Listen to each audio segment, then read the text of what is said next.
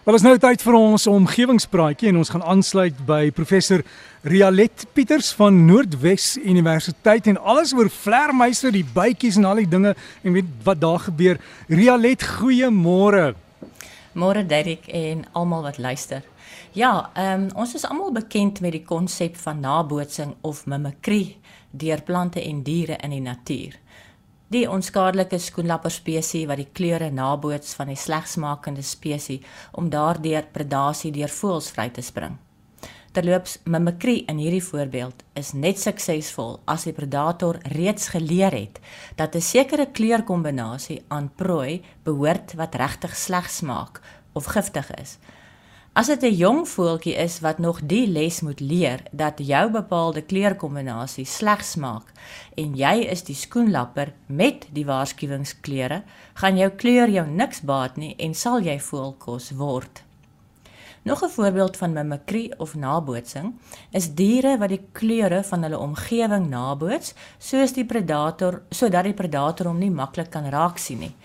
Hierdie taktik word natuurlik ook deur die predator self benut. Hy kan sy prooi onopsigtelik bekruip en vang of openbloot sit en wag, maar omdat hy gekamoufleer is, kan die prooi hom nie betyds sien nie.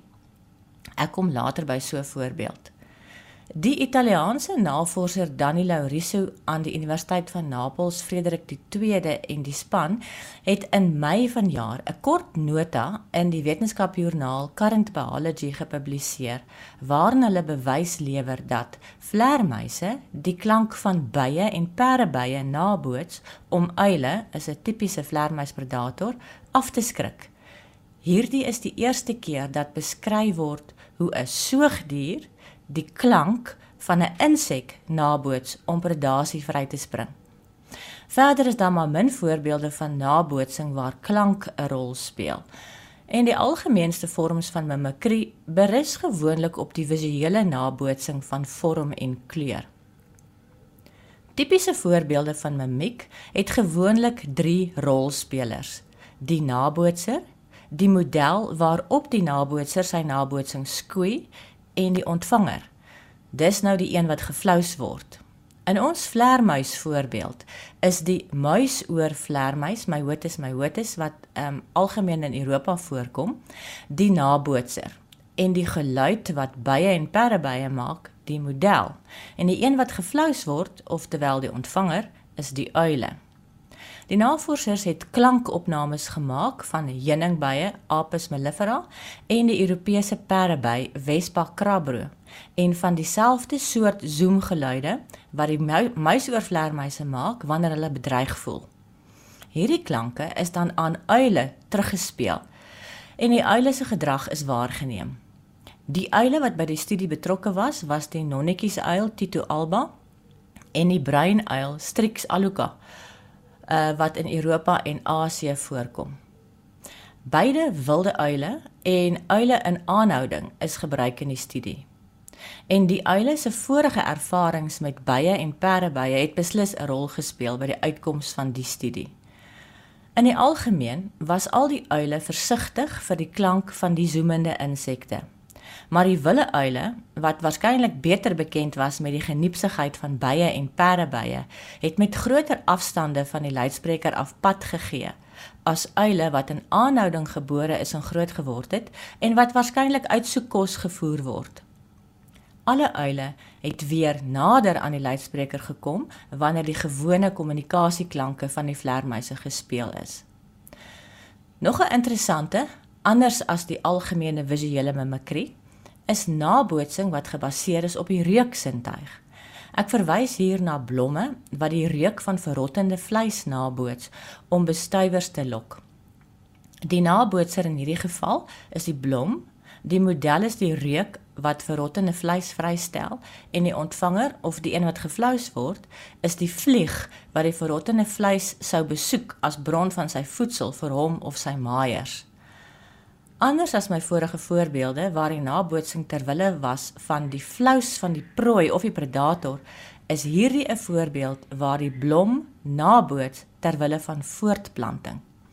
In 'n studie wat reeds in 2011 in die Annals of Botany verskyn het, het 'n navorser van die Universiteit van KwaZulu-Natal in Pietermaritzburg, Timotheus van der Niet en medewerkers probeer vasstel of die reuk wat deur 'n inheemse orgidee, Satyrium pumilum, wat in die Namakwa-land se Kamiesberg voorkom, so spesifiek is dat dit 'n bepaalde groepie aasinsekte sou lok. Die blommetjie van die orgidee kom plat op die grond voor tussen die blare en word nie soos by ander orgidee aan lang blomstele gedra nie.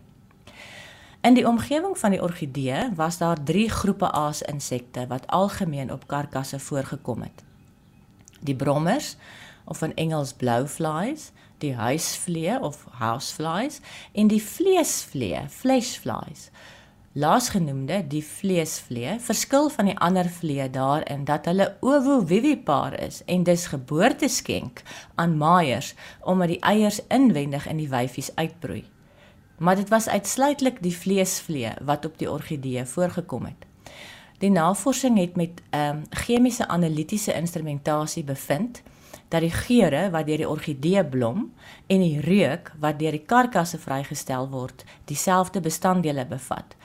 Ag, hier kom 'n klomp groot name: oligosulfide, 2-heptanoon en paracresol en endole. Die vleesvlee kon nie onderskei tussen die reuk wat van die blomme afkom en die reuk wat deur die verrottende vleis vrygestel is nie. Hierdie resultaat bewys dat die orgideeblom uitsluitlik van die reukstimulie gebruik maak om sy bestuivers te lok en nie blomkleur of die grootte van die blom of selfs die vingervormige uitstulpings wat in die blom kan voorkom wat gewoonlik deel vorm van die lokstrategie van plante wat aasinsekte lok. 'n Voorbeeld van 'n insek waarvan die liggaamsdele so gemodifiseer is dat die insek soos verdroogde blare lyk, is die spookmantis Philocrania paradoxa wat ook hier by ons voorkom.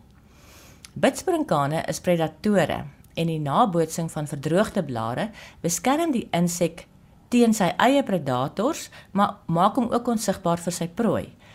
Die nabootsing van die blare is maar een voorbeeld van mimikry wat by hierdie insekte voorkom. 'n Tweede een is dat die heel jongste larwes skynbaar ook soos mure lyk en dit beskerm hulle want watter uh want die potensiële predators ervaar mure gewoonlik as lastig en probeer hulle vermy.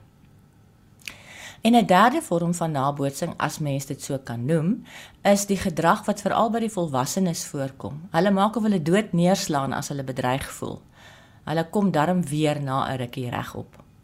Ons het foto's op omgewingspraatjies se Facebookblad geplaas van die spookmantis Philocrania paradoxa wat jong kollega Willie Landman vir my geneem het en ook 'n kort videoetjie van die bekende aasblom weliswaar 'n uitheemse stapelia, maar mens kan die vlee wat om die groot blom saamdrom duidelik waarneem.